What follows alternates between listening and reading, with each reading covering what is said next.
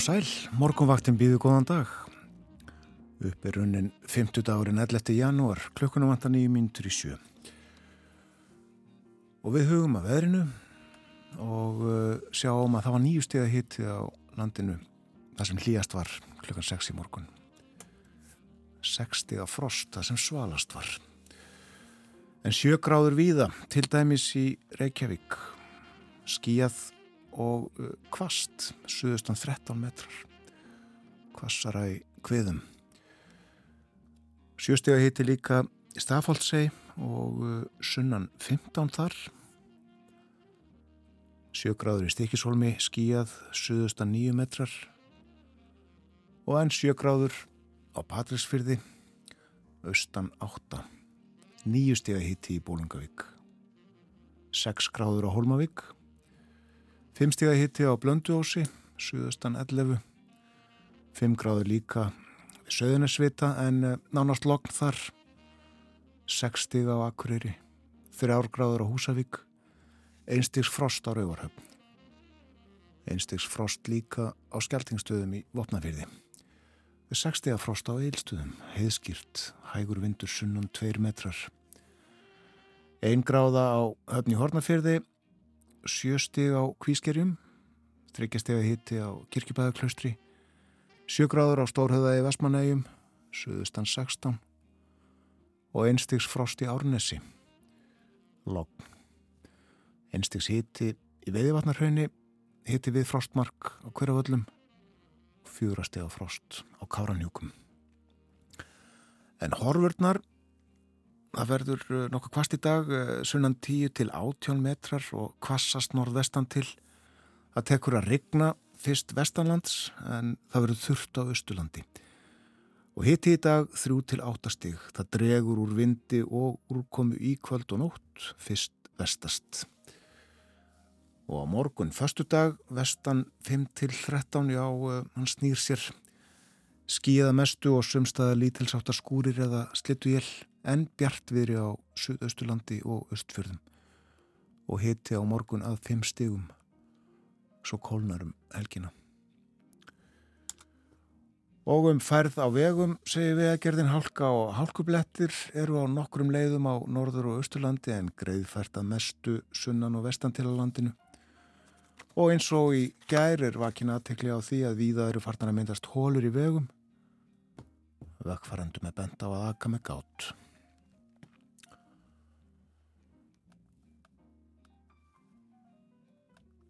Stuttlega því sem er framöndan á morgunvaktinni.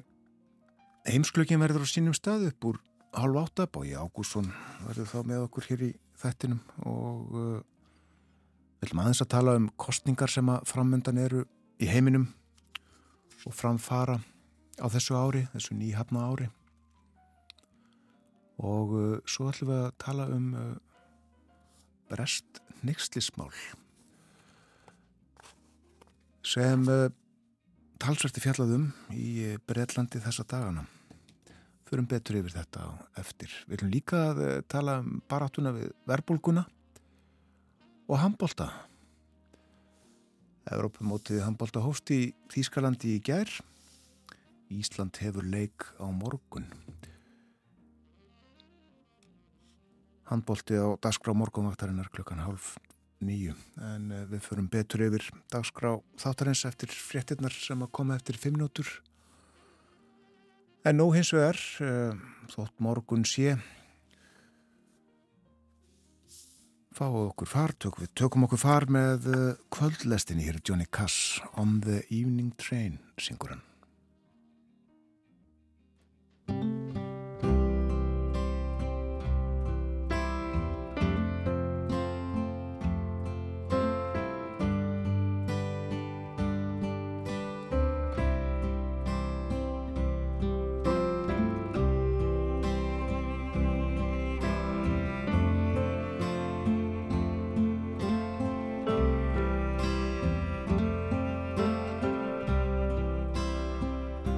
I heard the laughter at the depot, but my tears fell like the rain when I saw them place that long white casket in the baggage coach of the evening train. The baby's eyes are red from weeping. Its little heart is filled with pain. Oh, Daddy, it cried. They're taking Mama away from us on the evening train.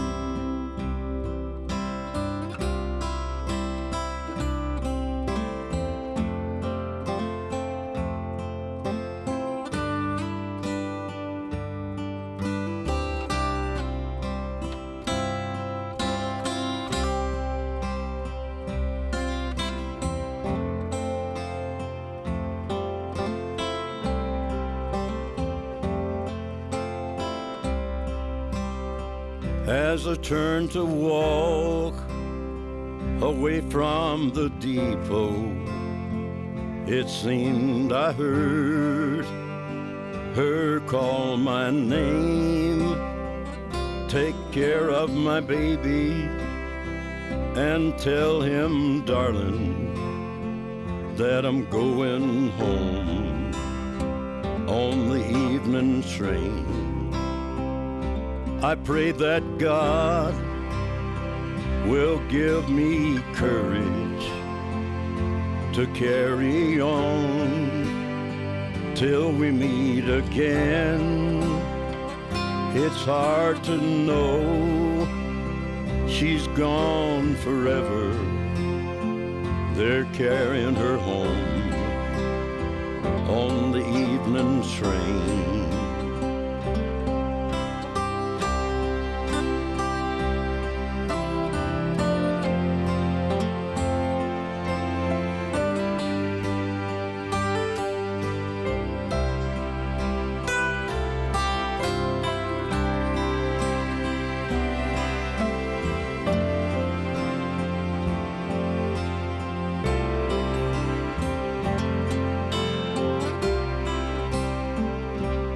Pray that God will give me courage to carry on till we meet again. It's hard to know she's gone forever. They're carrying her home on the evening train. They're carrying her home on the evening train.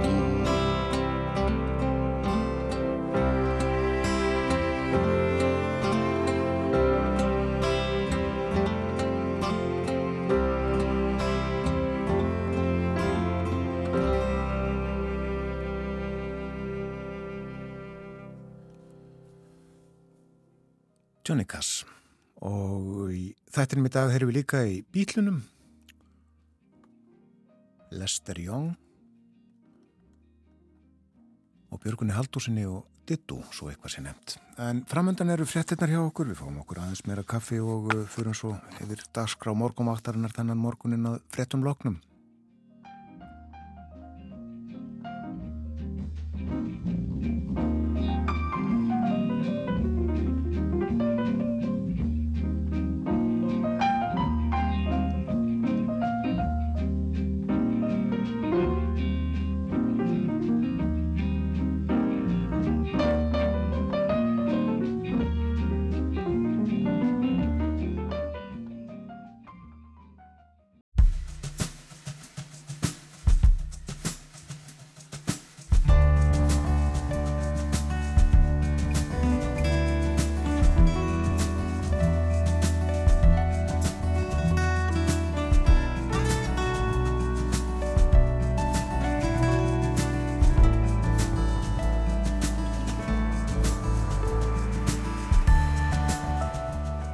Góðan dag, morgunvaktin helsar 5. daginn 11. januar, umsjónamaður Björn Þór Sigbjörnsson.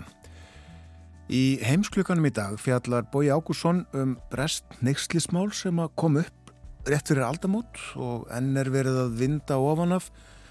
Yfir 700 starfsmenn bresku postþjónustunar voru ákerðir og dæmdir fyrir fjárdrátt og þjófnað.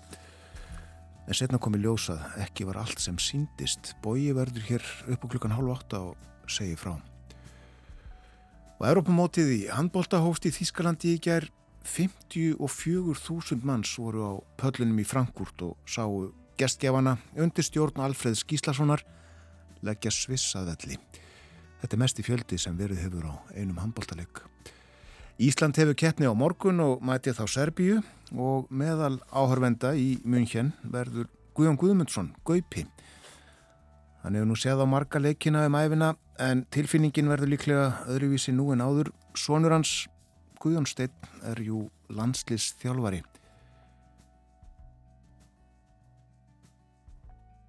Þarna var, var mér rántnafn Snorri Steinn, heitir eh, landslýst þjálfarin. Vistu velverðingar á þessu mísermi. En uh, Gaupi kemur á morgumvaktina klukkan hálf nýju og uh, við spjöllum um mótið og fyrri mót, já og uh, handbólta bara vitt og breytt. Og stóra málið í kjaravirðanum sem að nú standa er verðbólgan, það þarf að ná henni niður, sveitafjölögin bóða drúar gældskrárhækkanir en segjast til í að draga úr þeim ef samningavirðaðarnar spilast með tilteknum hætti. Goldklúpur Sandgerðis er á öðru róli. Hann setur ekki öðrum skilirði. Á þeim bæ var ákveðið að hverfa frá áður ákveðinni 8% hækkun árgjalds og hækkaðum 3%. Á þessari fyrirmyndar ákverðun vakti Vilhjálmur Birgisson formaður starfsgreinasambandsins aðtikli í gerð morgun. Við spjöllum við formann golfklúpsins í Sandgerði um þetta og uh, verðbólguna og golfið auðvitað. Að veðrinu en uh, Í hugleðingum segir veðurfræðingur síðustu fjóra daga hefur veður á landinu verið tilbreytingalítið stíf og hlý suðlega átt með vætu sunnan og vestanlands en þurft hefur verið á norður og austurlandi. Þessari einsleitni veldur kirstaða í veðrakerfum í landið. Hæð hefur setið sem fastast við Skotland. Læðir hafa verið á sveimi suður á kvarfi, það er suður átti grænlands, en það hefur ekki komist nær okkur vegna þess hversu vel hæðin hefur staðið á móti.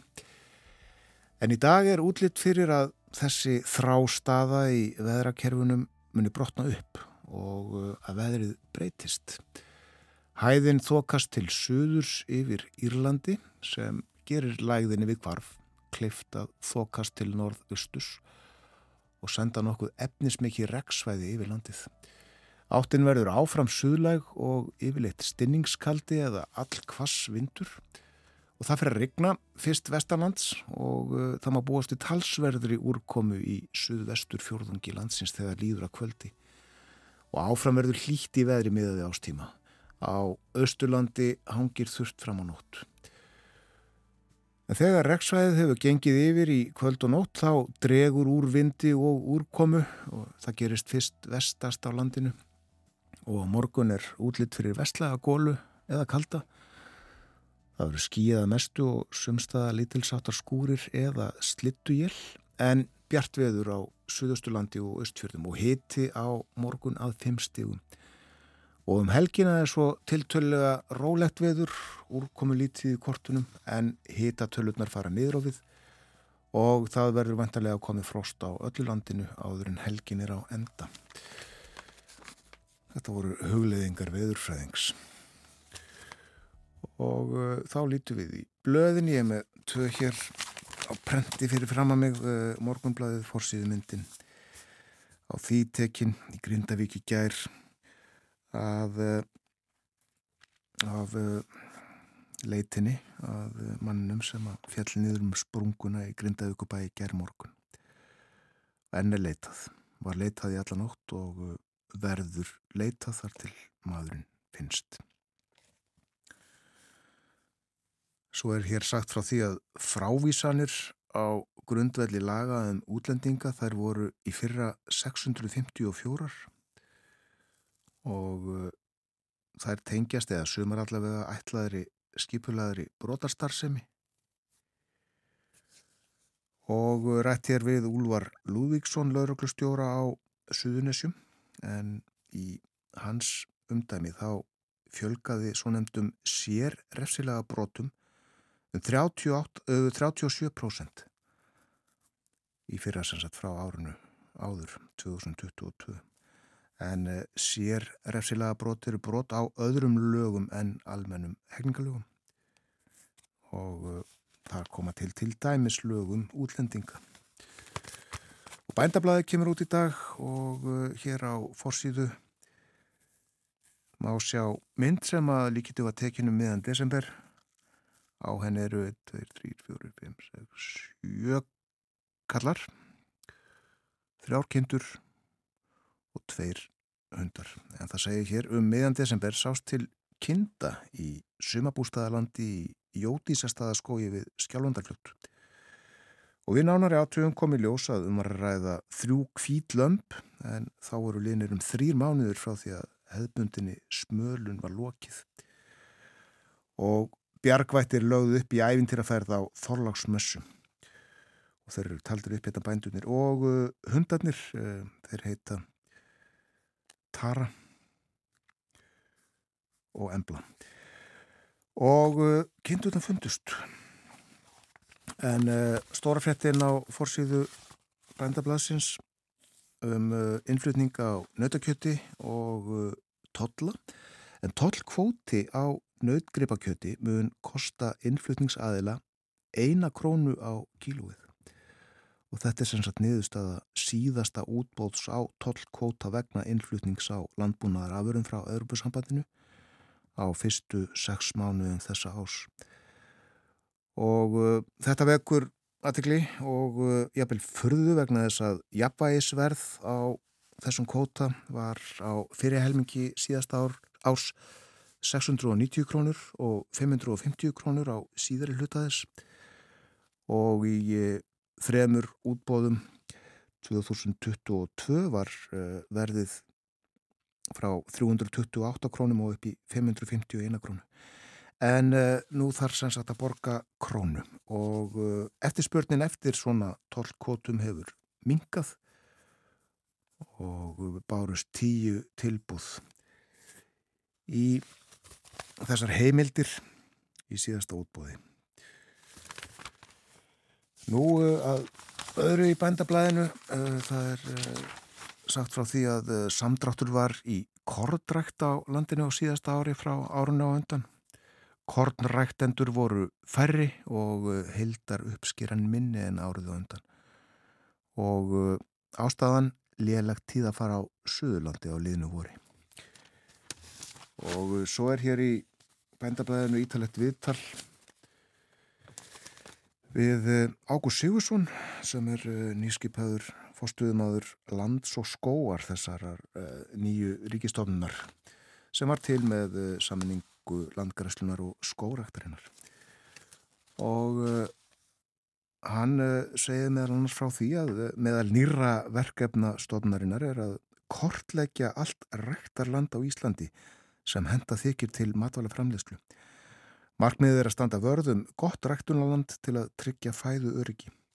Sveitafélögum ber að taka mið af slíkri kortlagningu rektarlands og hafa sem undirstöðu fyrir skipulagsgerð sveitafélagana. Og Ágúr segir, þetta er gríðarlega mikilvægt verkefni, tel ég, og uh, nokkuð umfangsmikið. Og það er liður í að hugsa til lengri framtíðar og ná betur utanum hvað hendar hvar og hvernig skinsanlegast væri að haga nýtingu á þeirri takmörkuðu auðlind sem landið er.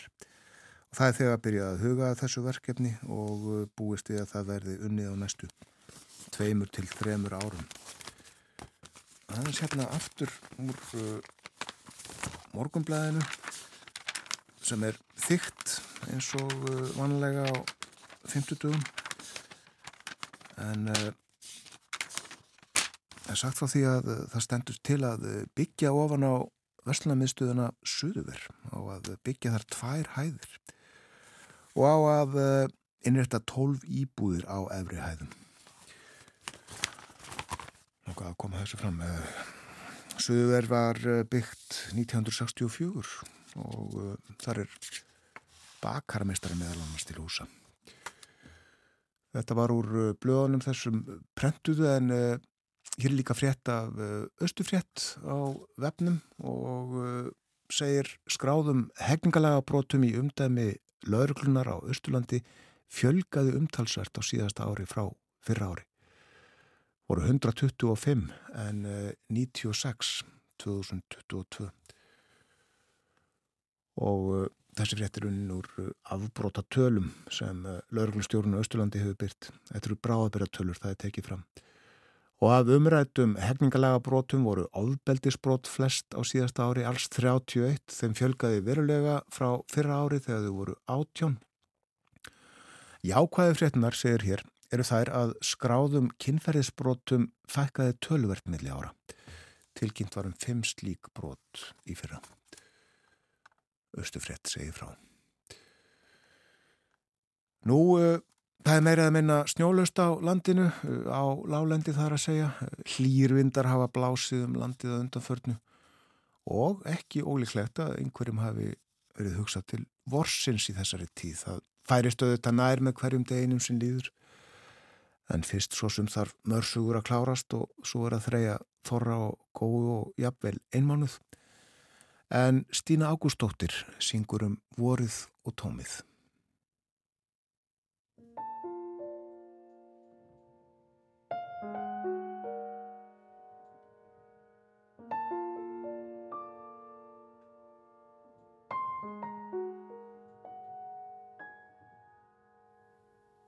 Eitt sinn var ég gefinn fyrir á Á hverju voru það ei brást Nú hverður annað við voru gefum gríð Vetur stígur fyrsta dansin Dregur af mér lilju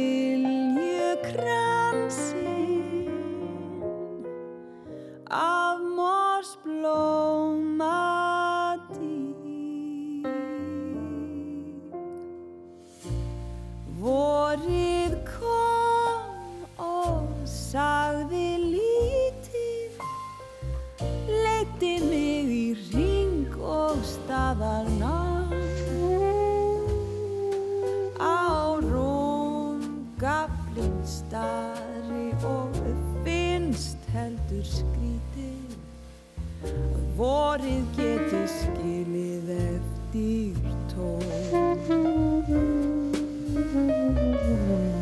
Morgun kissir vorblóm blíðu sem ég ætlað skála við í mjölk meðan röldi ég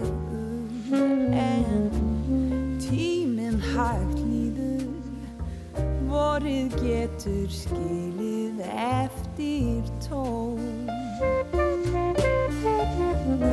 Vorfuglar syngja um ást endalaust.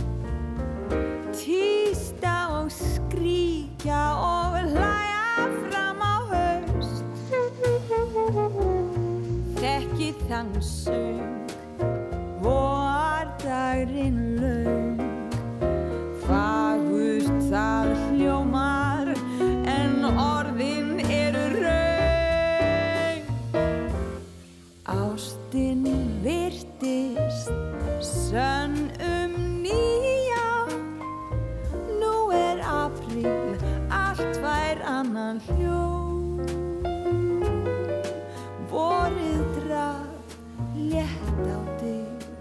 Dansar vor Vindur ljúfsá. Vorið getur skilið eftir tón Vorið getur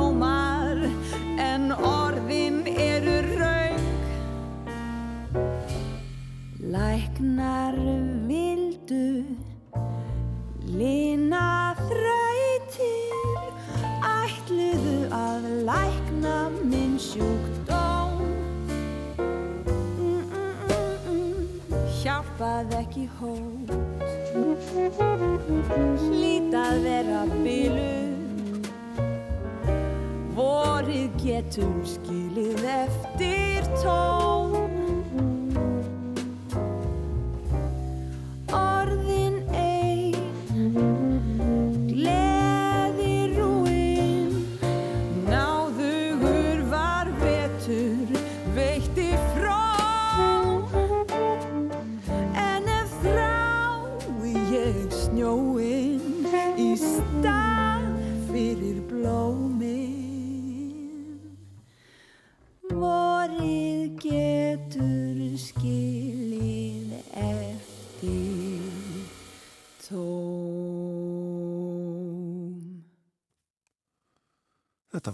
var Stína Ágústóttir. Við litum í blöðin hér áðan þessi nýju, glænýju, nýkomnum úr brentsmiðu en uh, ég er hér með eitt gamalt reyt fyrir fram að mig, uh, Heilsuvernd. Náttúrulækningafélag Íslands gaf það út á sínum tíma og ég er hér með reyt frá 1964, Björn Ell Jónsson Læknir var þá reytstjóri og uh, í því er sagt frá mataræðinu í hólaskóla fyrra á öldum. En sangvænt reglugerð frá 1746 þá skildi matsiðil skólapilta vera sem hér segir í aðal dráttum nummer 1. Harðfiskur og smjör í allar máltíðir alla daga vikunar. Nummer 2. Hátegisverður. Kjöt eða bjúu fjóru sinnum í viku. Rúmjöl, skrautur og mjölk tvisa sinnum í viku. Kaldir sundmagar einu sinni í viku. Númer þrjú, kvöldverður, bygggrjónagrautur og mjölk einu sinni í viku, skýr og mjölk tvísvar í viku, sundmagar einu sinni í viku, saltfiskur tvísvar í viku, bjúu einu sinni í viku. Já, hver maður átti að fá einn pott af mjölk á dag og misu að vild. Auk þess var á borðum slátumatur, fjallagrös, söl, kvönn, njóli og fleira. Svona var reglugerðin en henni var ekki ætið framfyllt. Matur var oft af skortnum skamti. En eftir þessu að dæma, saði Hilsumand, hefur heitur kjöt eða fiskmatur verið á borðum einu sinni á dag að meðaltali en harðfiskur í allar máltíðir. Og gert hefur verið ráð fyrir næri mjölk. Mjölmatur var engungu rúur og bygg og var það allt flutt inn heilt og malað heima eftir hendinni. Á kveiti, sikur og kaffi er ekki minnst en það þekktust þær vörur ekki á þessum tímum. Já, þetta var uh, matsiðillin frá 1746 samkvæmt reglugjörð. Og uh, aðeins um kaffi úr þessu samariti hilsuvend en uh, það vísa hér í skrif Kristínar Ólafstóttur Læknis í heilsufræði handa húsmaðurum. Hún mun hafa sagt Kaffi er því aðeins skadlítið eða skadlaust að þessi ekki neitt í hófi. Og svo segir eittstjóri, því miður lætur höfundur þess ekki getið hvar setja skal mörkin milli hóflegrar og óhóflegrar kaffineslu. En hér skal á það bent að Íslandingar eru að líkindum mesta kaffineslu þjóð í heimi. Mun kaffinesla hér á landi nema um sjö bollum á dag að meðaltali á hvert mannsbarn í landinu. Eða um það byl tólf bollum að meðaltali í hvert kaffi neytenda. Já, þetta var uh, staðan kaffi neistlan í landinu uh, 1964. Við förum til Malawi. Þar uh, starfað, eða starfaði söngkóparinn Katawa sem að hér flyttur lagið Para Mukuyenda sem að þýðir upp á íslenskuna Þú gengur eða eitthvað þýjulikt.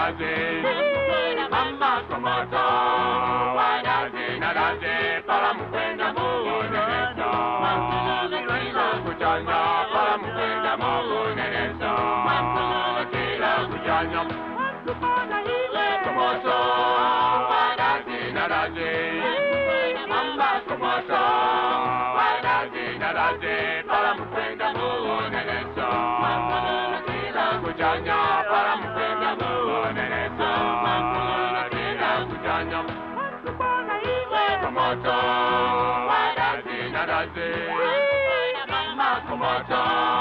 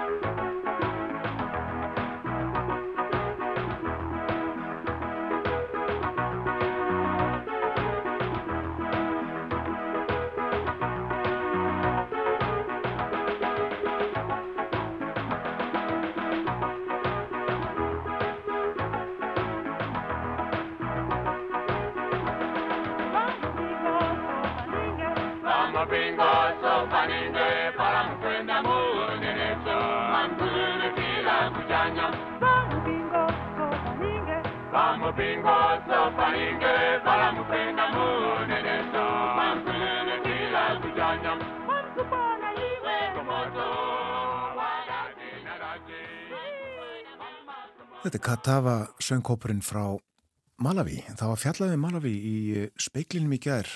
Ævarörn Jósefsson rætti við Ingudóru Pétursdóttur sem er fórstuðumadur sendir ás Íslandinga þar. Hún saði frá þróunastarfi Íslandinga í landinu, þróunar samfunninni sem hefur gengið vel árangurinn stórgóður. Það er komið að frétta efliti hjá okkur á morgunvaktinni.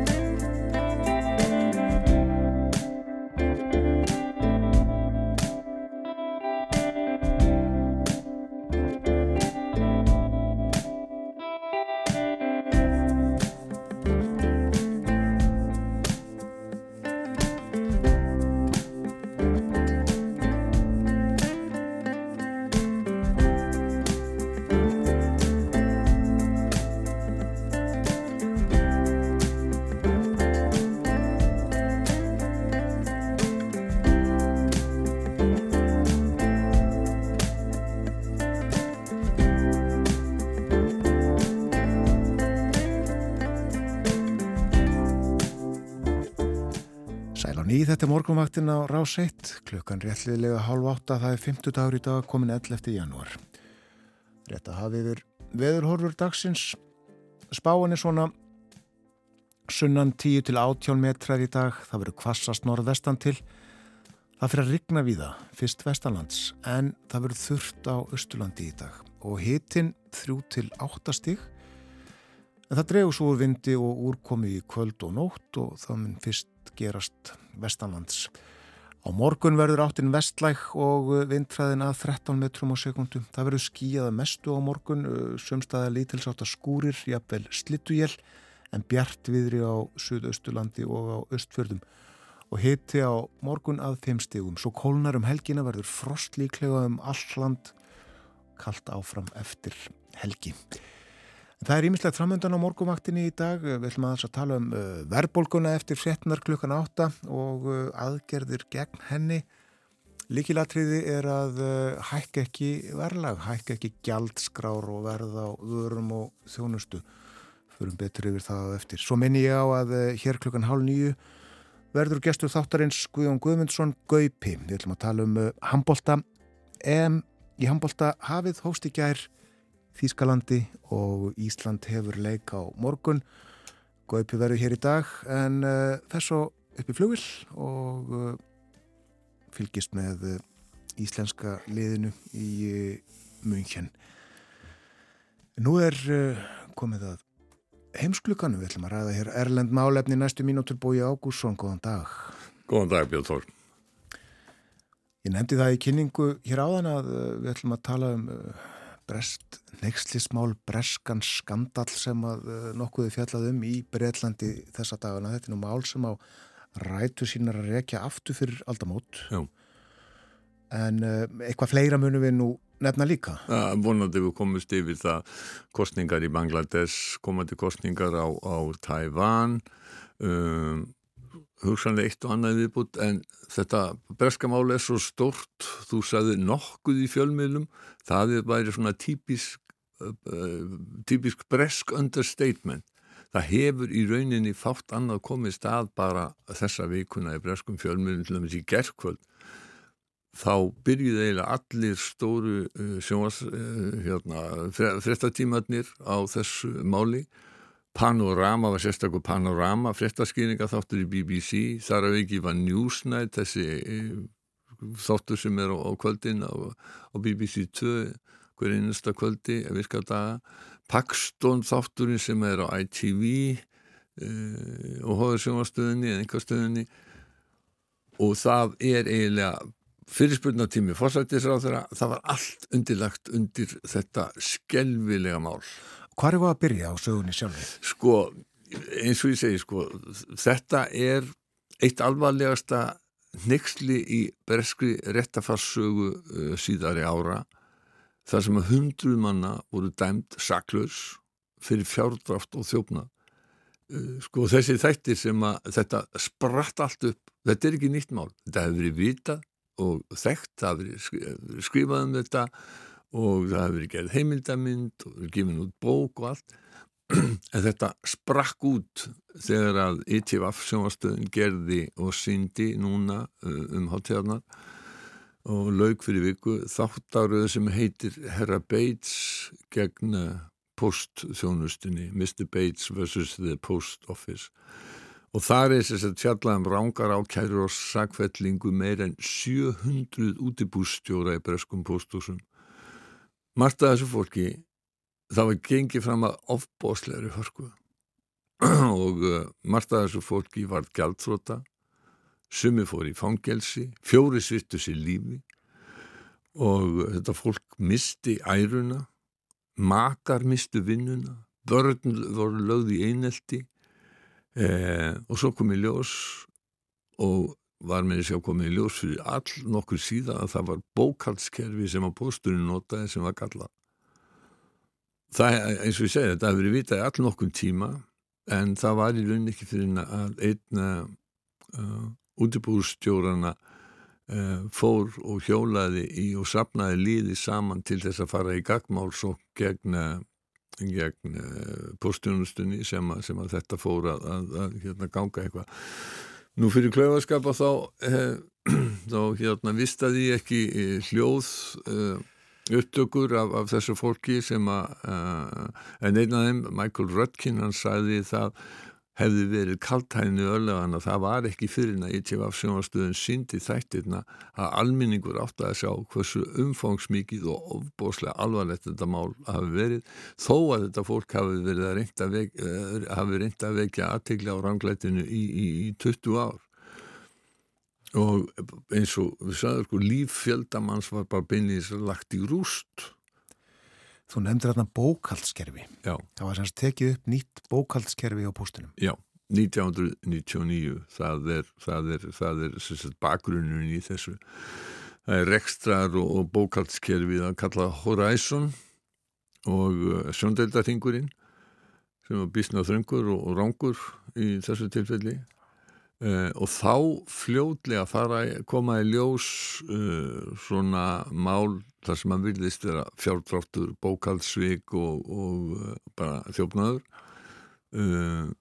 Nokkur hundruð yfirmanna í smæri postúsum um, Bókaldi stemd ekki. Bókaldi stemd ekki og það virtist vera sem að þetta fólk hefði bara stungið peningum í vassan og þetta voru enga smá upp að þeirra oft það voru tíu þúsund á þetta fólk var krafið með endurgreyslu og sumir endurgreitu og, og svo er þetta fólk lokað úti af rekið á, á, á staðnum það fekk ekki að fara inn það fekk ekki að fara inn í kerfið til þess að sjá sko hva, hvort, að, hvort að þetta hérna gæti verið, hvort að það gæti fundið einhverja skýringar á þessu Um, nú er ekki útilóku uh, nú er ekki lóku fyrir það skotið að einhverjir hafi raunverulega verið að stela. Og, og, og, og hérna og það hefur verið uh, fjallað um það en, en, en hérna en ívignandi meiri hluti þessa fólks er bara fórnalamp þessa bókaldskerfi sem að uh, japanska eða allsjóðu fyrirtæki Fujitsu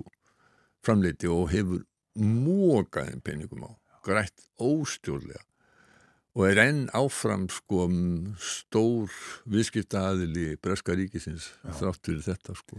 Og posthús uh, eru svona bísna mikilvæg í uh, samfélögum í Breitlandi, minnið þorpum, alls konar starfsemi önnur sem þetta fram. Já, já, já, já, já. Sko í þessari þáttarið og þá lögð áhersla á, á það að þetta, að þetta er venjulegt fólk. Mm. Þetta er bara þú ég, almenningur og hann þarf að berjast gegn ofurefli ofnbæra stopnuna sem neytar algjörlega að viðkenna að það geti eitthvað verið rámt hjá þeim.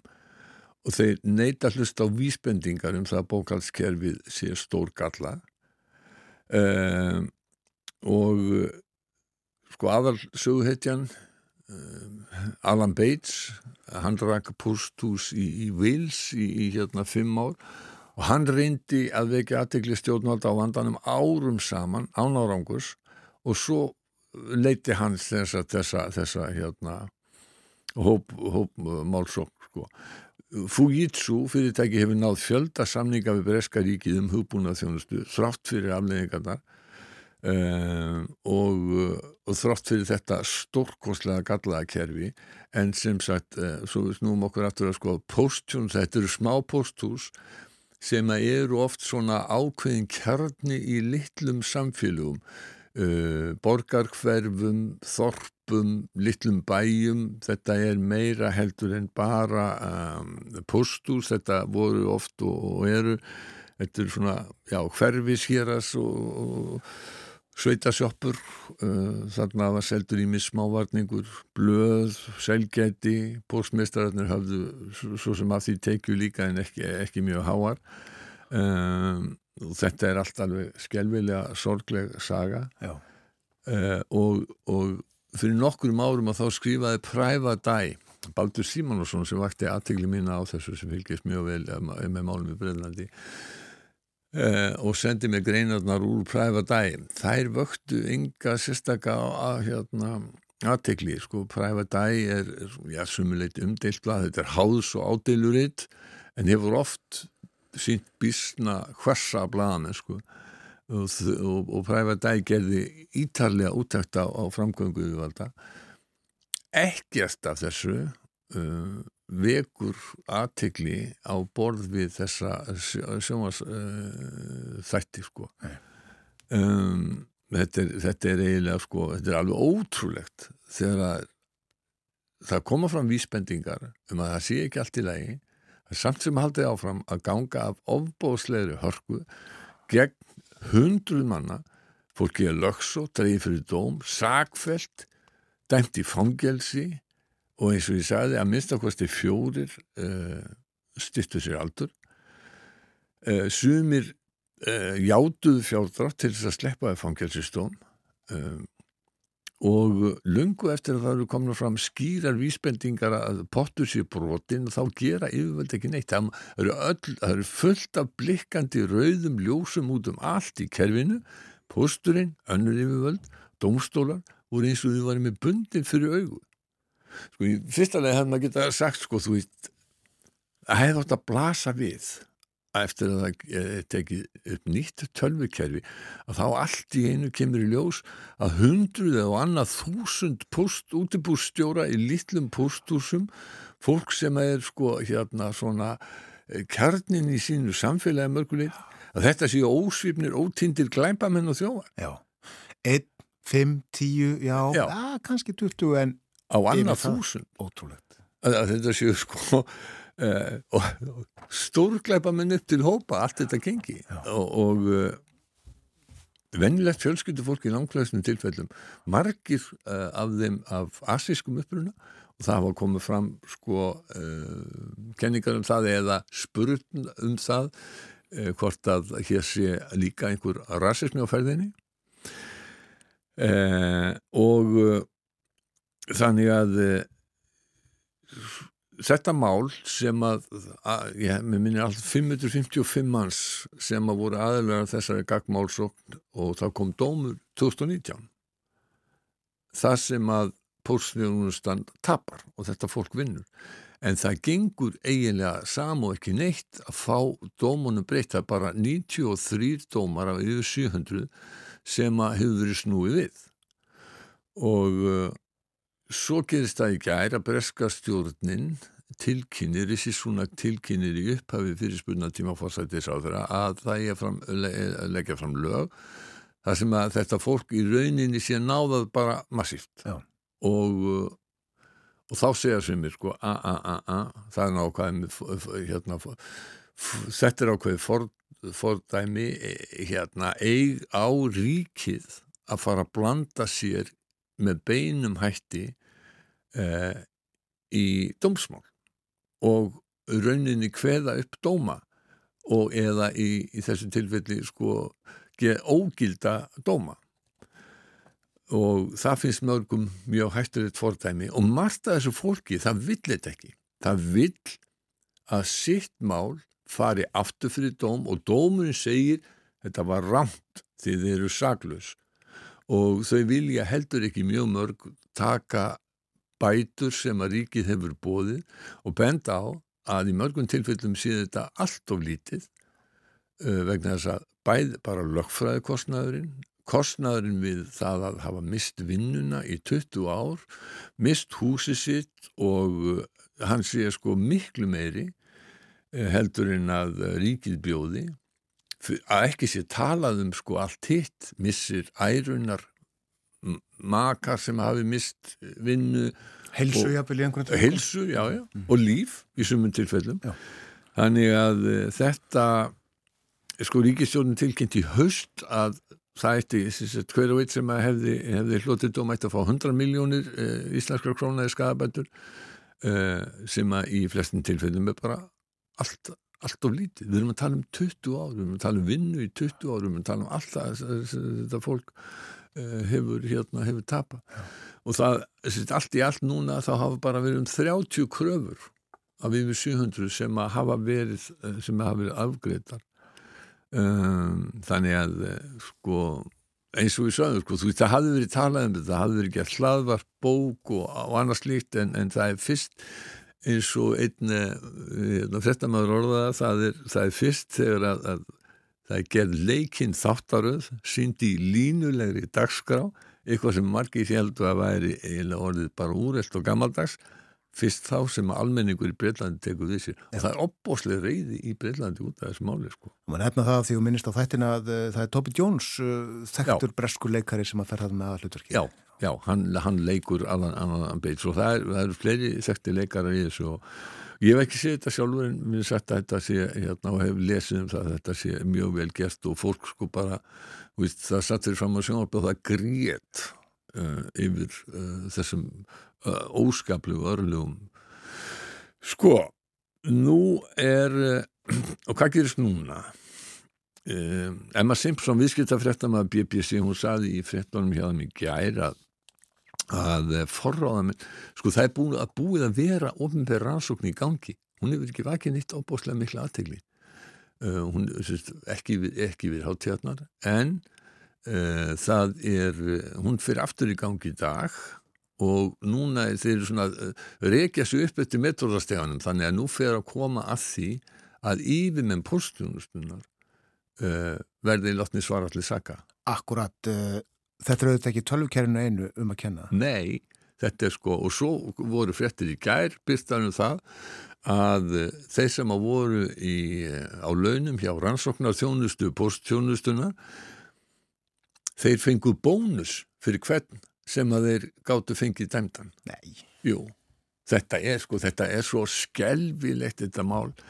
Eh, það er einn kona sem hefur verið dálitið í eh, siktinu út af þessu sem heitir Paula Venles. Og hún var fórstjóri pósins á milli 2012 og 2019 og er talinn bera ábyrða á, á, á, á mikilvæg hörku pósins í málarekstunum sko þegar hún tekur við þá er bortlaðist tap á postinum en hún snerir eh, rekstunum við og, og hann fer yfir í pluss og þegar hún svo hérna fær hún sko hálaun og, og bónus upp á miljóni punta. Og þegar hún hætti 2019 að þá hérna uh, þetta aldrei skritið þessi kona hún er prestur í anglikunsku kirkjunni. Uh, en, en hérna út af þrýstingi sem hefur komið þá, þá er hún búin að láta af öllum störfum innan kirkjunar og þegar hún hætti að þá fekk hún uh, þá voru semt orðinni CBE Commander of the Most Excellent Order of the British Empire sem er raunar herri tegna gráð en býtlandi fengu, þeim fengu sko Member of the British Empire en hún fær herri gráðu uh, af orðinni en hún tilkynnti svo í fyrra dag eftir ofbóðslega þrýsting af meirinn miljón mann sem hún að rita nöpsin undir það að uh, það er sviftan orðinni að hún ætla að, að, hérna, að skil, skilinni ja. svo er einu spurning sko sem að kannski hérna er aldrei skemmtilega af hverju eru breytan með einhverju orðu sem er kent við heimsveldi? Þeir hafi ekki átt heimsveldi meirinn hálfa höld það er eins og er hérna eins og er annars sko sko og, og Lundunulögurglann er núna farin að kanna um, hvort að það hafi áttist að glæpir innan pórsins við rannsóknuna og uh, þetta mála eftir að koma fyrir sko Fujitsu, forráðmenn Fujitsu hafa harneita að segja neitt því að þessi að rannsókn í gangi við segjum ekki neitt. En forráðmenn þess fyrirtæki segja að koma fyrir viðskiptaninn breska þingsins í næstu viku. Þá getur kannski orðið eitthvað skemmtilegt. Og rannsóknun hefst aftur í dag og það er alveg örugt mála hún á eftir að hérna, vekja miklu, miklu meiri aðtegli heldur, heldur, heldur fram að þessu. Já. en þetta mál minni dálítið á það, það er margt í kerfi víðan um heim sem er bróða ekki síst í Breitlandi sko það er alveg ótal skandala sem eru tengtir sko Lundunarlöðurklunni Metropolitan Police. Í fyrir að koma út skísla sem sagði að löðurklan væri sem stopnun undirlögð af uh, rasisma, kvenhatri og homafyrirlitningu eins og voru orða. Þetta var bara sem, sem stopnum og það má, má, má minna á ótal mál sem að Lundónulögurinn hefur klúðrað Uh, og það er laung saga margra skelvilegra mistaka sem að, sem að breska lauruglan hefur gert með myndlis rannsóknin á Hillsboro eh, dæminu þegar að 97 stundningsmenn Liverpool dó í tróðning í byggarleik þar var svona kerfið að reyna að verja sig. Það var löggan reyndi að kenna Liverpool stuðningsmannunum um það þegar það voru mistök lauruglunar sem að littu til þess að þetta fólk dó. Og þetta tók ára tíu og mjög mikla rannsóknir áður en að sannleikurinn kom loks í ljós. Við getum mynda á domsmórða og hérna Írum þegar að IRA var að myrða fólk í sprengjutilræðin fyrir þetta 40-50 árum. Þá voru bara næsti hópur Íra sem að náðist í tekinn og, og hérna og dæmdir eh, ofta, já ég vilt alltaf á fölsun, sönnugögnum og, og lognum eh, vittnesspurði. Birmingham 6 dæmið, það, það, það, voru 6 síra dæmdir fyrir springju til það 1974 sem þeir komu hverkinn næri það tók mér 20 ára að leiða það í ljós og auðvitað er fullt, fullt upp á slíkum dæmum. Það minnir mér pínlítið líka á norst dæmi Það voru, hérna, voru týjir, ekki hundrun manna í Nóri dæmt fyrir tryggingasvík vegna þess að þau hefðu þegið bætur, atunleysisbætur eða örorkubætur uh, og ekki verið búsett í, í, í Nóri og það er, sjáðu, norsk lög, þú verður að búsettur í Nóri og sumi voru dæmtir í fangelsi með það. Dönsk kona sem hafði unnið á norsku hérna, spítala, flutti aftur til Danmörk, átti rétt að bótum í Nóri, hún var dæmt í fangelsi og svo kemur í ljós að þetta bara, þessi lög stangast á við EES-rétt vegna þess að þú máttar að búsettu hvað sem er innan EES og þykja hérna, bætur frá, frá Norri og sko þú veist það er ótrúleitt lögmenn sem að gerast verjendur þessa fólks viti ekki að þessu, dómara viti ekki að þessu. Áfríðunadómara viti ekki að þessu. Kerfið norska tryggingastofnun viti ekki að þessu maður getur stundum ætla að það er alveg ótrúlegur halvvitagangur sem að getur verið í, í gangi innan, innan, innan kerfa. Það er margt róti víða. Það er margt róti víða en við skulum samt sem að muna það að við erum heppin að búa í heimsluta þar sem að svona mál komast upp og að í búin og grúna þá er þessi samfélag sem við búum í hér á, á Vesturlöndum og ekki síst á Norrlöndunum þá er þetta það sem ég held fram, bestu samfélag sem að mannkynni hefur ennþá fundið upp. Já. Maður er eiginlega orðlaus eftir þetta. Já, þetta, er, þetta, er, þetta, er, þetta er mjög hérna, sérkennileg dæmi. Já. höfum við tíma til þess að minnast á það að það voru kostningar í Bangladesh? Mínútu.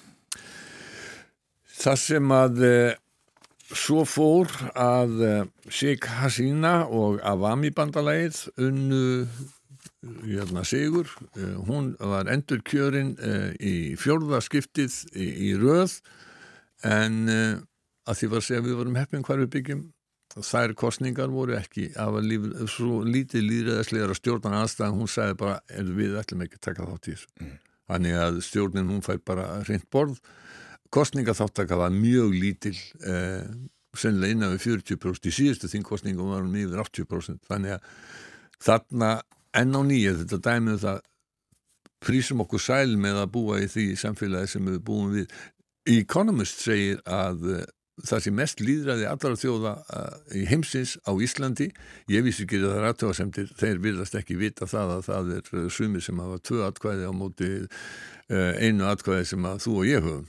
Mm, þannig að það er ekki fullkomið líðræði Segjum þetta gott af umfjöldunum Erlend Málefni þennan morgunin Bói Ágúrsson, takk fyrir að vera með okkur á morgunvaktinni. Takk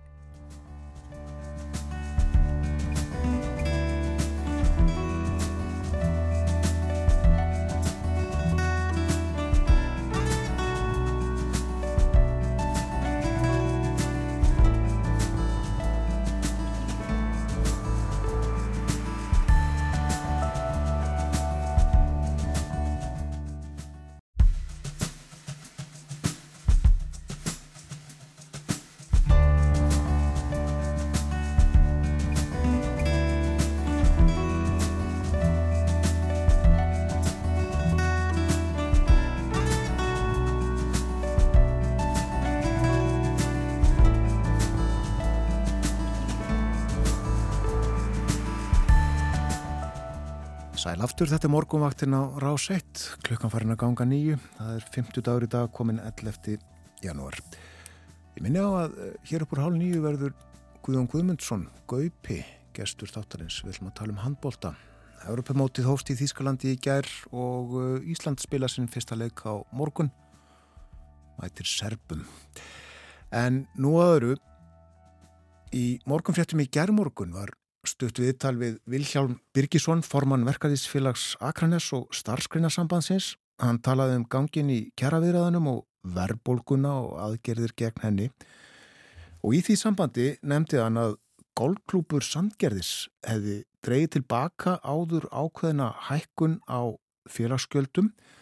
Það var uh, í byggerð og stóð til að hækka um 8% en uh, ákveðið að hækka um 3% í staðin. Þetta getur lítill golfklúpur suðið með sjó gert, sagði Vilhjálmur og uh, spurði hvað ætla stóru aðilarnar að gera, stóru fyrirtækin og sveitafjölögin og uh, ríkið. Í símanum er Lárus Óskarsson, hann er formaður golfklúps Sandgerði, skoðan dag Lárus. Já, góðan daginn. Já, þessi ákvörðin hefur vakið aðtikli og ykkur rósað, hvað kemur til? Já, okkur fannst bara þetta væri tilvæglega að gera þetta og, og hérna ég er bara komast til mósið verkefliðstöluðin og stíðaði þessar baróttu. Já.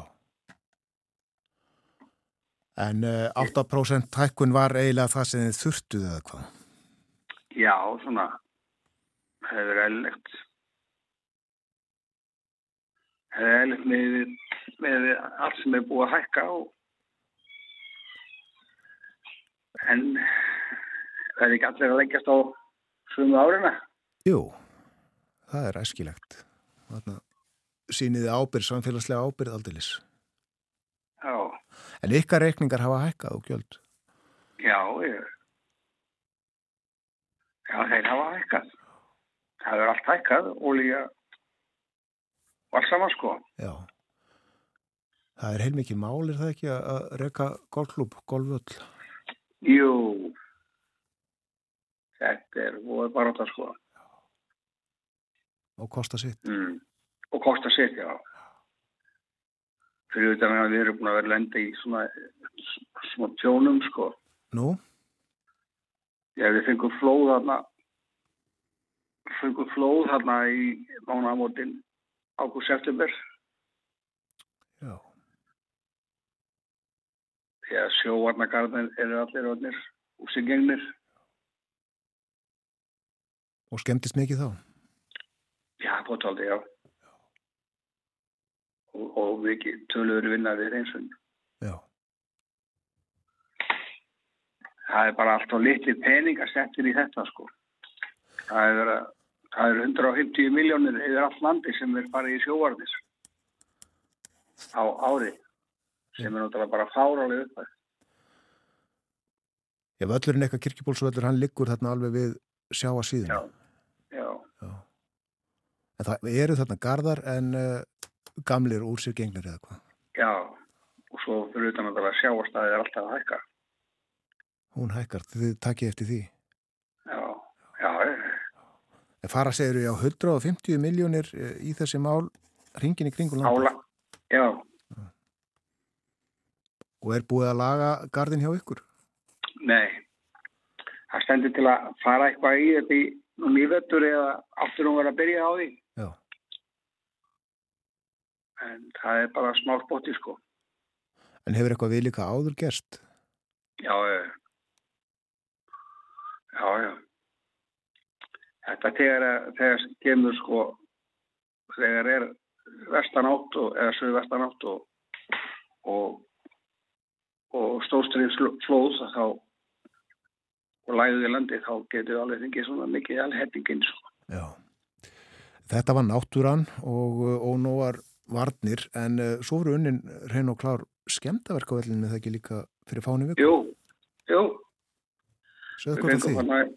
það var einhver Já, við held, ég held að þetta hafi verið túristar sem voru hérna í einhverjur að keira hérna völlin. Þeir óku inn á völlin. Já. Og völlur var mjög blöytur og kerði inn á gríninu. Skildi eftir þessi djúb för. eða hvað. Já, völlur var mjög. Það var sko. Og er hægt að laga svoleiðis? Já, já, þetta tekur bara tíma að gróa. Já. Ha, Þeir það fund... voru bara hefnir að drepa sig ekki, sko. Nú? Já, þeir keirðu þetta upp á teik sem er alveg bara þverfmyndir í sjó, sko. Hvað segir? Og, og bara hefnir að fara ekki fram að þar. Þeir fundust aldrei sem að þarna voru verki Nei, nei, og finnast líklega aldrei. nei, ég reikna ekki með því.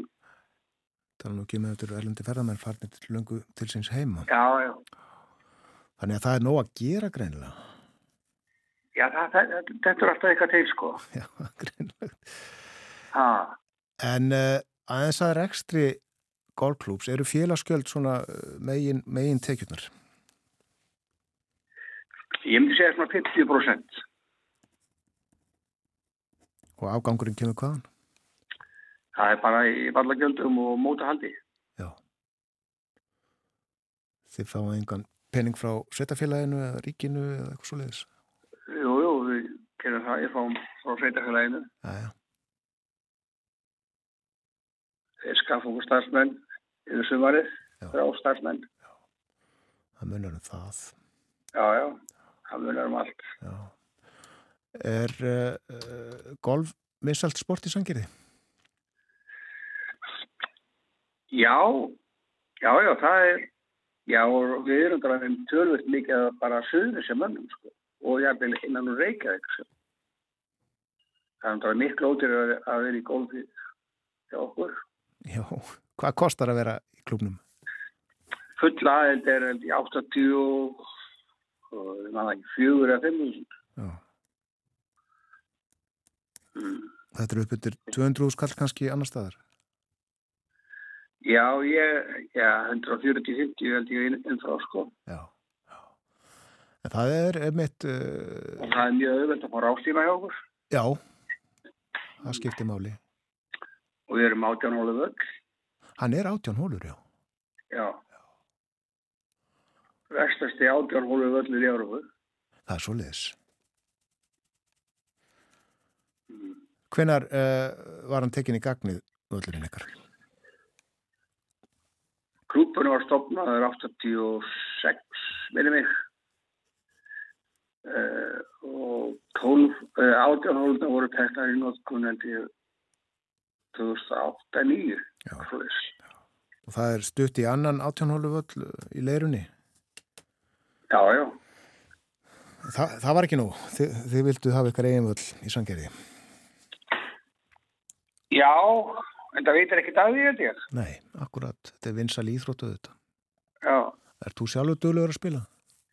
Nei, Nei, nei, nei. Ég er mjög slappur í þessum maður. hvað segir? Er það algengt? þegar maður er búin að, er vera að vinna allan dagina í þessu, þá þingum bara á því að fara heim, sko. Já, er það algengt með formen golflúpa þeir hafi ekki tíma að nenni ekki að spila? Já, ég þekki það við. Nei. Ha, Ég sá á heimasíðunni að, að uh, þú ert ekki bara formaður, þú ert líka uh, skráður frangatastjóri og vallastjóri. já. Ég hef nú verið með stráka hérna í valdastjórnum, sko. Já, en það fer í þetta drú tími greinlega að, að sinna þessu öllu saman. Já, þeir hellingstími, sko. Já, Lárus, ég var að spyrja það út í annað, ég sé líka á heimasíðunni að þú ert með uh, netfangið Lalli Lati. Já. Hefði það var það var þegar ég var að stopna hana ég var að stopna hana Gimil ég fekk tendadóttir mína Annette Illetjans til að til að hérna hjálpa mér við þetta og þá fundum við þetta út. Eða hún eða Já, ertu latur? nei, nei, Nei, létt sprell. já, já, þetta er ágætt. Það er stundur hlegið þessu. Já, það er þetta fyndið. Það er Þetta hefur hefur ekki bara þessu? Jú, við gerum það. En er hægt að spila uh, golf í dag þér? Já, það er bara að slíta veður, Já, en það er opið völlur, sko.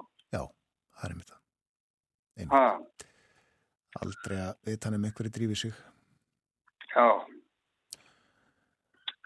En þetta, já, þetta er, það er alltaf opið alltaf árið jók. Það er með það.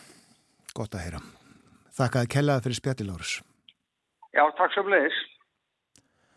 Lárus Óskarsson er formaður golfklúps Sandgerðis og uh, í uh, tilkynningu klúpsins sem er, uh, var uh, tiletnin þessa samtals segir kærufélagar stjórn GSG, golfklúps Sandgerðis tekur undir með SA og verkalýsfélögum landsins um að halda aftur af sér í gjaldskrár hækkunum Á síðasta aðalfundi var ákveðið að hækka gjaldskrá um 8% og hefur stjórn GSG ákveðið að falla frá svo mikil í hækkun og hækka gjaldskrána einungis um 3% milli ára.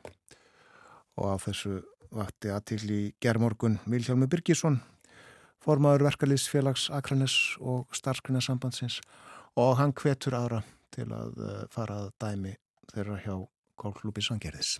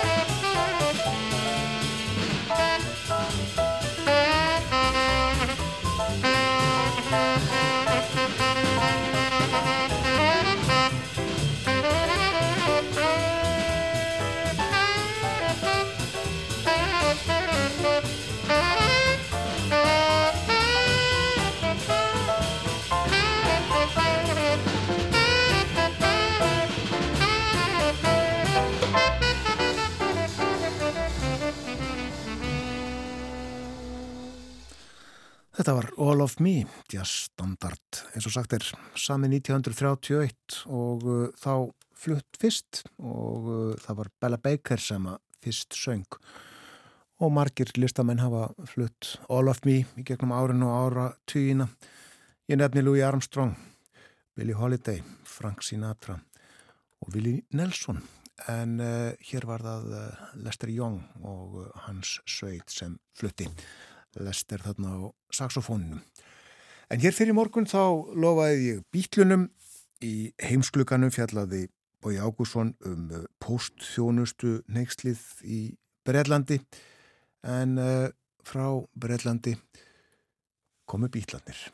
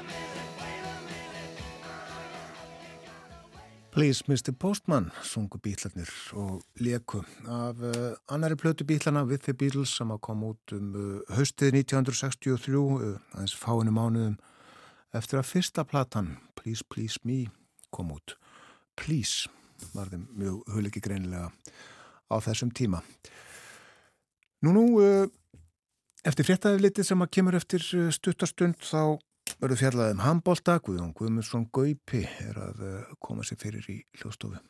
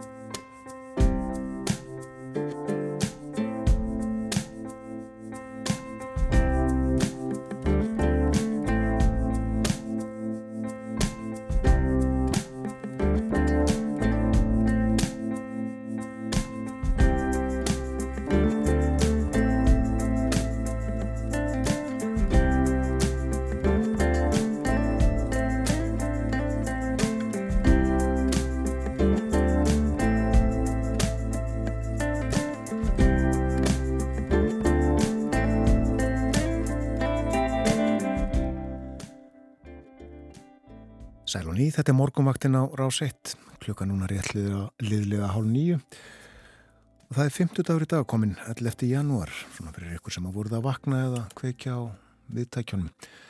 Og uh, framöndan umfjöllunum handbólta, en uh, Evrópamótið í handbólta hófst í Þískalandi í gær, uh, fóru fram tveir leikir.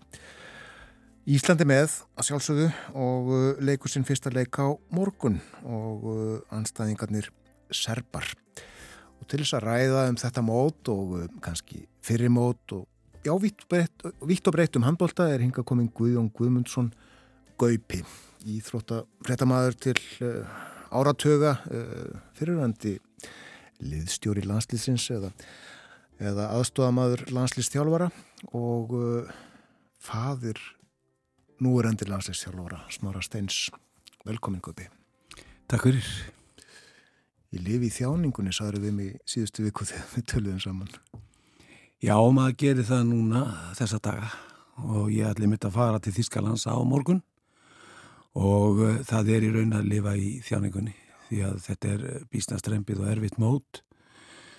Og maður finnur það að spennustíði hefur stíð magnar svona dag frá degi. Og líka ég hef verið báðu megi við borðið, ég hef verið við liðþjálfarans síðan hef ég unnið við þetta í rúmlega 30 ár fylgst með þess að hverjum degi rúmlega 40 ár. Þannig ég veit svona hvað er í vændum og hvað býður okkar. Já, en líður öðruvísi fyrir þetta mót en uh, fyrri uh, vegna þess að snorri stýri liðinu? Ég er rólegri heldur en ég hef verið áður. Ég ákvað það um leið og hann tók við þessu að, að passa mig á því að vera ekki á kafi ofan í þessu alla daga Ég passa mig á því að, að lesa ekki mikið það greinir að hlusta á podcast í aðranda mótsins. Þannig að það trubla mann stundum og ég veit að hann gerir það líka. Hann, hann, hann ítir þessu svo litið frá sér. Og ég er svo sem ekki mikið í sambandi við hann. Við tölum þessi saman í, í gær eða fyrirdag. Og heila minnst um handbóltan. En auðvitað kom það til tals að framöndan væri þetta mót og það er allt í standi, liðir í góðu formi, þeir eru búin að æfa vel, auðvitað er hann nýri í brúnni og hann veit eins og allir aðrir að hann er þarna til að ná árangri, hann þarf þess til að lifa af þannig gangan og kaupin og erinni fyrir sig í þessum bransa. Þannig að hann veit nákvæmlega hvað hann er að fara út í og hann er í raun kannski eins og einn ágættum maður saði við mig, hann er nú sá eini sem hefur verið alveg upp í þessu umhverfi frá batnæsku og Ég hef nú ekki sagt oftur á því en hann var fjara, fimm ára gama alltaf að fóra með mér á allar landsisefingar og ég segi nú stundum í gríni sko, það var bestum mætinguna. Þannig að hann misti ekki aðefingu þannig að þetta er heimur sem að þekkir. Svo er hann auðvitað með mikla reynslu spilaði dæflega 300 leiki eða 246 landsleiki skoraði dæflega 900 mörg þannig að hann veit nákvæmlega hvað hann er að fara að gera. Hann á medalíu frá uh, Evrópakeppni og aðra frá olimpíuleikum Mikið rétt gríðarlega reynsla. Aðeins með, með svona þetta tilfinningalíf, hvernig var að, að fylgjast með honum á vellinu með uh, landsliðinu? Það var mikið erfiðara heldur en í þessu starfi. Einfallega vegna þess að það voru gröfurna meiri um að vildan uh, myndi spjara sig í hverja meinasta leik sem hún að gerði. Hann var einstakur leikmaður, ég hef ekki sagt þetta oft, hann var einstakur leikstjórnandi og, og svona leikmaður sem skildi leikin og skildi félaga sín og, og svona í setni tíð það var menn kannski átt að sé betur á því sko hvað hann var helviti góður handbóltamaður mm. en eh, kannski munaði ekki allir því að hann svona hugsaði oft meir um liðið heldur en sjálfa sig og það pyrraði mig alveg svakalega sérstaklega setni árin hans í, í landsleginu þá fannst mér hann þurfti að gera meira og, og gera þetta svolítið sjálfur, ekki alltaf vera að hugsa um hinna, en hann gaf sig ekkit með það og það var eiginlega ekki fyrir hann fór í aðdunum mennsku til Fraklands að hann hefur nú sagt frá því sjálfur í Vittali að hann hugsaði með sér, já, nú ætla ég bara að hugsa um sjálf á mig og spila þetta fyrir mig sem hann og gerði í Fraklandi og þar var hann í þrjú ár eitt besti maður deildarinnar og eitt markaðasti leikmaður fransku úrvartildarinnar í þrjú ár. Já, hann spilaði á í Fraklandi, Danmörku og Þýskalandi. Já. Eh, láð það snemma ljóst fyrir að hann myndi svo farið þjálun? Já, mér grunaði það alltaf. Eh, hann myndi leiðast út í, í þjálunni. Ég held að það hef bara verið búið í genunum. Mm auðvitað sko gekka með það í maðunum að koma heim og fá að þjála val sem síðan varð og raunin. En svo má ekki gleyma því að, að það tók hann svolítið tíma að ná fótvestu sem þjálfari hjá val. Það gekk ekki sérstaklega vel e, fyrstu tvö árin. En síðan fór þetta tikka smátt og smátt. Hann breytti svolítið leikstílnum hraður leikur, þetta er ekkit einfalt mála að spila svona leik. Og það tekur langan tíma og ég sé svolítið handbræðið á liðinu sá það á móti Austuríki að það var gott handbræð, við vorum mjög hraðir en gerðum líka talsveit að mistökum og það sá ég mitt á fyrstu árunni hjá Val þegar það var að byrja á þessu að það var talsveitu mistök en smátt og smátt mun þetta tikkinn og ég held að þetta sé leikstíl sem hend okkur mjög vel því að við erum í dag ekki með þessi tröllin og vellinum eins og margar aðra þjóðir þannig að við þurfum að fara aðra leiðir og hann ætlar að treysta á þá leið sem hann fór hjá Val. Já, nefnum það líka að hann fór þetta með Val í Evrópukeppni Já, hann fór með val í Árabútildina fyrra og hafði trú á verkefninu og hann eh, ákvað það að breyta ekki um leikstíl. Hann taldi að leikstíl vals myndi henda vel í þeirri keppni og var eiginlega vissum að þessi lið sem hann var að spila við, sem voru mörgverð, bísna góð á Európumæli hverða, myndi ekki ráða við hennar ráða sem og varð raunin. En það er alltaf þannig á Íslandi, sérstaklega með félagslið, að breytin þarf að vera mikil og kannski var breytin í val sem þó var mikil á íslenska mæleikvarða, ekki nægaleg til þess að fara ennþá lengra í Európa-deltinni. En sko öfugt við val þá hefur landsliðið þessa breytt. Það eru 16 frábæri leikmenn í landsliðinu, kannski átján og börinn skipar átján menn. Þannig að breyttin er meiri þannig að þetta ætti á einhverjum tímapunkti að smetla og ég spái því að það muni gera það. Já, þér líst vel á liðið við eigum marga frábæra leikmenn. Já, sko við eigum í dag marga bestu leikmennum Evrópu. Eins og gamla liðið var með á sínu tíma Við erum í Gísla Þorger, við erum með Ómar Inga, við erum með Aron Pálmarsson sem er í hæðsta gæðaflokki, þráttur hans í hættur í aðunum sko komin heim í FH. Við erum með einn nefnilegasta markvörð Evrópu, Viktor Gísla Hallgrímsson, en sko öll lið, líka íslenska lið hefur veikleika. Sko við erum kannski ekki vel settir, það vil segja að línumenn okkar er ekki 120 kíló pluss eins og í mörgum öðrum liðum, en e, þá eru bara aðri þættir sem þú verður að leita eftir og önnur gildi og, og mér finnst það að hafa tekist afar vel upp, ekki bara hjá landsliðinu núna heldur líka til að mynda hjá forvera Snorra Guðmundi Guðmundsinni sem hann náttúrulega var algjör og er snillingur. Já, já. Og anstæðingarnar í riðlinum uh, ungverjar, serbar og svartfellingar. Þetta eru hörkuliðið ekki? Jú, þetta eru alveg þjóðir. Serbar eru líklega besta balkanþjóðun í dag. Ungverjarnir hafa alltaf reynst okkur mjög erfiðir. Svartfellingar með gott lið. Ungverjar eru eitt af þeim liðun sem í gegnum tíðina hefur oftar en ekki alltaf verið á meðal átta efstu þjóða á stórmótum. Þeir eru á svipuðum stað á við í dag, þeir eru að byggja upp lið, þeir eru með góðan þjálfara, spánværi, Sema Rodríguez. Þannig að þeir verða hættilegur anstæðingur og Serbandi líka, en við eigum að vera með kassan úti, við erum með gott lið.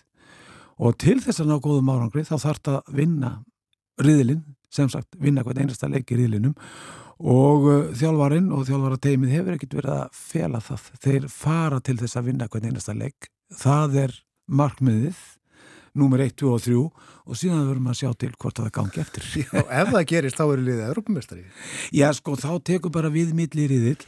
Já, við vorum að tala um reylakeppna. Já, já, og þá náttúrulega leikur á móti bestur landsliðum heims. Já. En sko, til þess að ná árangri og til þess að komast jafnvel í fyrstu 6, 8 og ná velunum, þá þarf það að vinna bestu liði heimi.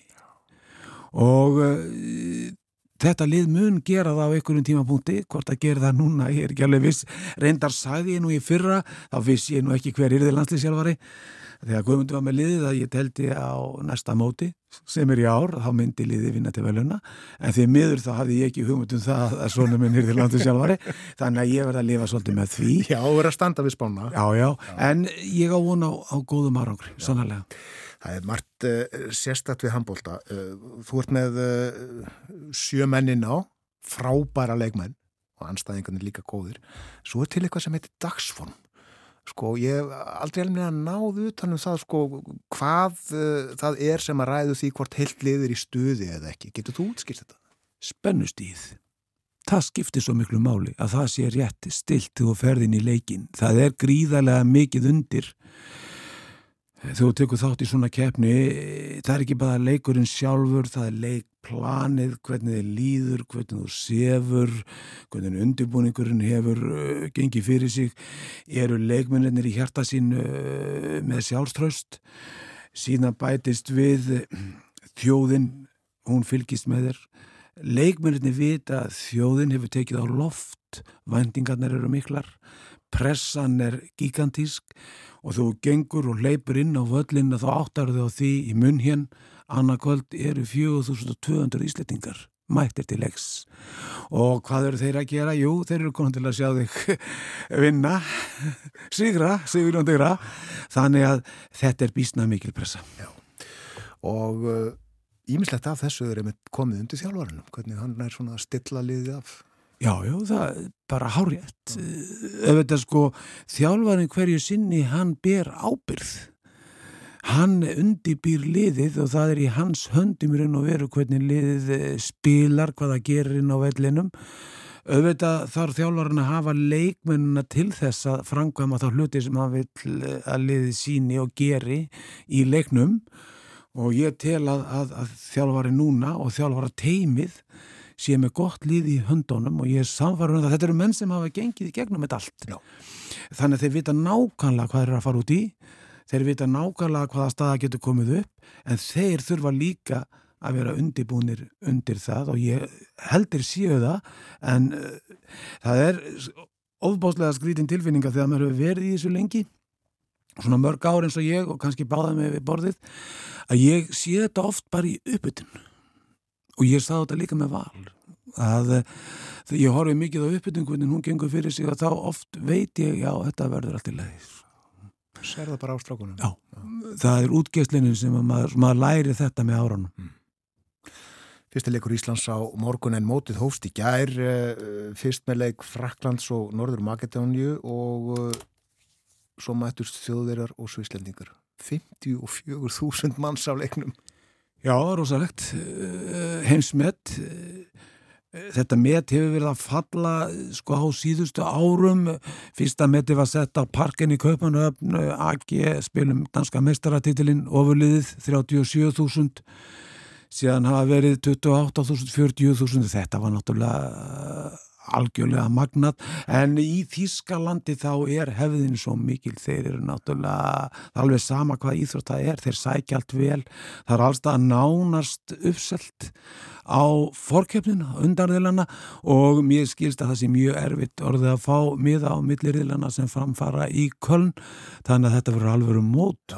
Og Alfreði Brúni hjá þjóðirunum Já, gaman að sjá hann, eh, gamla revin, Já. var með Ísland eh, í keppninni 2007 í Þýskalandi, það var það heimsmyndstaramót. Nú er hann með þjóðverða og mér leist mjög vel á Þýskaliðið og ég held hann eitthvað að gera mjög góða hluti í framhaldinu. Eh, Þjóðverðar eru þetta verið sterkir í gegnum árin. Var það síðast sem þeir unnu þegar dagur styrðið þeim? Já, það er unni síðan. Dagur gerði þá verðumesturum á sínu tíma og uh, fekk mikið lof fyrir og þeir heldu áfram að treysta á Íslandinga og nú er Alfred með þetta í fanginu en Alfred hefur eiginlega þurft að byggja upp uh, nýtt líð, hann er búin að yngja liði gríðarlega mikið upp, hann er að horfa til framtíðar. Hann er að horfa á olimpíuleikana í sumar og svo næstu mót. En uh, síðan er ekkit víst að hann fá að halda verkinu áfram vegna þess að það er ekkit öðru í síðan á Alfred heldur en öðrum en allir sjálfurum að Það er niðurstan, uppskeran sem ræði því hvort hann fái nýjan samling. Sjá það ekki síst í fókbóltanum, þeir eru döglegir að reyka þjálfarna þar. Já, og það skiptir einhver máli hvað þú heitir eða hvað þú hefur gert, mönnur látni fara. Þú þekkir auðvitað Alfred vel, eh, þið voru saman á bótanárunum. Já, já, og á þeim árum að þá áttu þeir nú ekki mikið skap saman, Bótan Kovalsik og Alfred Gíslason, en þeir eru eh, mestu mátar í dag og eh, Alfred auðvitað fór kannski aðra leiðir eldur en hann en ég hef alltaf sagt að þetta er svona ákveðin skóli sem menn hafa farið í gegnum sem voru hjá kallinum ég kallaði þetta bótanskólan og ég segja stundum í gríni að Snorri Steinn, hann er líklega síðast aðsprengi bótanskólans. hann var á æfingu hjá bótan Ingalanda. Það var auðvitað algjört ævintýri að fylgjast með handbóltanum þá. Já, það var mikið ævintýri vegna þess að við komumst bakdæra meginn á olimpíuleikana 1984 náðum þar sjötta sæti síðan förum við á hinsmestaramóti í Sviss. Náðum þar sjötta sæti eftir mögur ár. Og þá gerist það að allir leikir eru síndir í, í sjónvarpinu beint. Og ég man í Sviss að það var opnað uh, sjónvarpið á 50 degi fyrir leik, það var ekki sjónvarp á, á 50 dögum og uh, Bjarni Heitin Felixson lísti þessu eins og hún er meinu með lagið. Og þjóðin eiginlega stökk á, á vagnin á þessum árum. og síðan hefur nánast verið veistla þjóðháttið í hvert einasta skipti sem Íslenska landslið hefur keft á stórum móti. Vendingarna miklar. Ekki síst að þakka því að, að, að þetta var allt sínt fekk, fólk fekk þetta beint í æð. Mm. og það er svo gott við okkur ísleitinga eh, að við þekkjum regluna svo vel. Það er þessna sem þjóðin er öll sefraðingar, sefraðingarnir spretta á fætu hver á öðrum, já, já. ekki bara þjóðin Þetta er líka spesialistatnir sem eiga að greina leikin þannig að það vita allir um hvað er að tala og hafa skoðun og það er svo gaman og skemmtilegt. Já, var það ekki öruglega Bjarni sem að fyrstu talaði um strákan okkar? Það var hann. Já, já, já og saði það í, í bjökkjefnin 1989, ég held að það hefði verið út þetta leiknum að, að hann leiði til að, að, að Bótan Kovacs fengi Bótan Kovacsik fengi fólkaórðinu fólkaórðinu, þetta bara gera það strax. Og það varð úr, Bjarni hafði mikil áhrif Hvað er þetta bótan? Herðu, hann er bara sprækur í Pólandi, fylgist eh, vel með, hefur skoðanir og uh, veit eh, hvað er að gerast, horfir á þessa keppni og um, hann ringdi nú í mig þegar að, hann sá það í pólsku blöðunum, ég hafði nú ekki ringt í hann og sagt honum frá því að, að Snári því landslæsjálfur og þegar það var búið að ráða hann þá ringdi hann og hann var mikið niðri fyrir og saði hvað Snjóri? Is national trainer. Hann kallaði hann alltaf Snjóri. Þannig að hann hafði mjög gaman að því. En hann hefur miklu að trúa á þess Já, já, það er gott að heyra.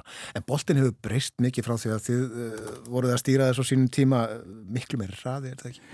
Jú, hraðin hefur aukist gríðarlega mikið. Og það er kannski það sem er fallegt við leikin að hann hefur þróast og ég sá það á þessum leikjum sem ég sá í gær að eh, menn eru fljóttir að koma boltanum í leik spila mikið svo kallaða setnibilgju þannig að hraða upplöpu markvasla, varnaleikur þetta er orðin svona meiri líkit heldur en áður fyrr. Við sáum mikið af þungum og sterkum og góðum skittum við sjáum til að myndi í dag Magdeburg eitt besta félagslið í heimi þeir skor ekki mikið að mörgum að 7-8 mötrum, þeir, eh, þeir er alltaf inn á 6-7 mötrum, Já. svolítið eins og við erum að spila. Og mér síndist að í þessum leikin sem ég sá í gæra, sko, mér sé að frakkarnir er að skora mikið af 6-7 mötrum, við sjáum ekki mikið af langskotum, við sjáum það þetta en, en það er mikið minna um það heldur en var. Þetta eru sérst gegnum brot og línusendingar og, og þarfumdugutum Já, sterkir línumenn e, Þannig að leikurinn er allur annar, hotnamennin er orðin mikið betur, þeir voru góðir, þannig að það er ákveðin þróun í leiknum sem er til bóta. Já, já eh, þú stýgur upp í vel í eh, fyrramálið það ekki og ætlar að vera í næstu dögum í München? Já, já, ég ætla að vera þar og fjölskyttan verður öll á, á, á sæðinu, ég verður með sko barnaböndum bara í Hallaró, þannig að eh, vonandi verður þetta skemmtilegt og við ætlum bara að upplifa stemminguna eins og hún er já. og kemur fyrir. Já en ég veit eh, af gamallar einslu að þetta verður líka þjáning. Livir í þjáningunni. Já. Guðbi, þú maður stegar HM fór fram á Íslandi 1995 það var ótrúlegt. Keppnin var haldin hér úslitaleikur á HM í lögadalsvöldin í Reykjavík.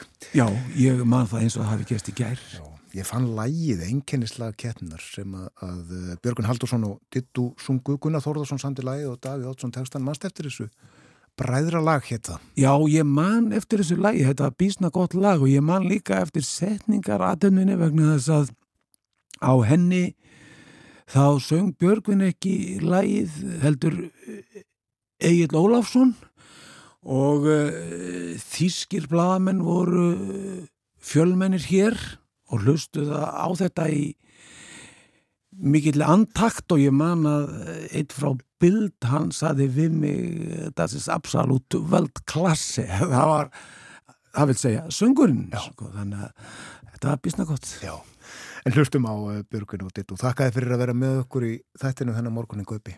Sumulegis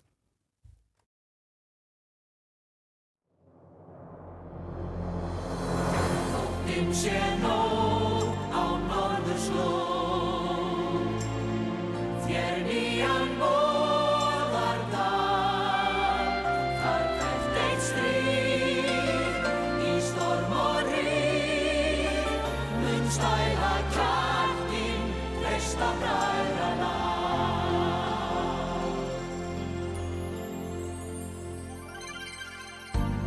Íslandið kaldar hjúvan heimtar skráp og herta sá Hetjulum sem aldrei bregst. Og krafta mannsins knappa tal er kappans mál. Sækjum hart, sækjum fram, sigrum allt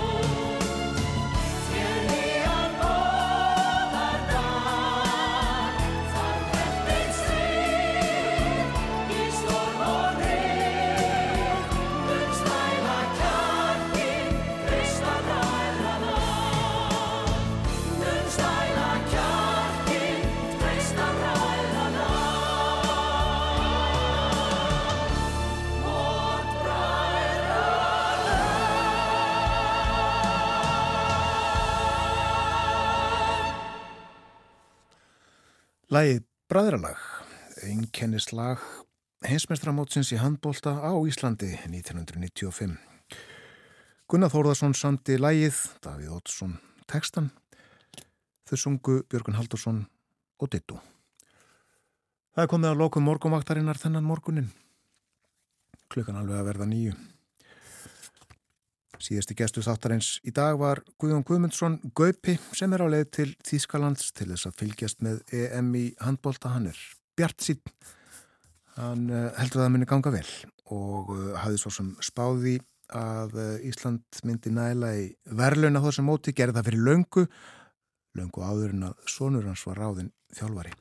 En Gaupi sáðu okkur meðal annars að hann sér það í uppbytunni hvort það myndi ganga vel eða illa. Hann uh, sér það af uh, sviðbreyðun leikmanna og svona hvernig þeir bera sig.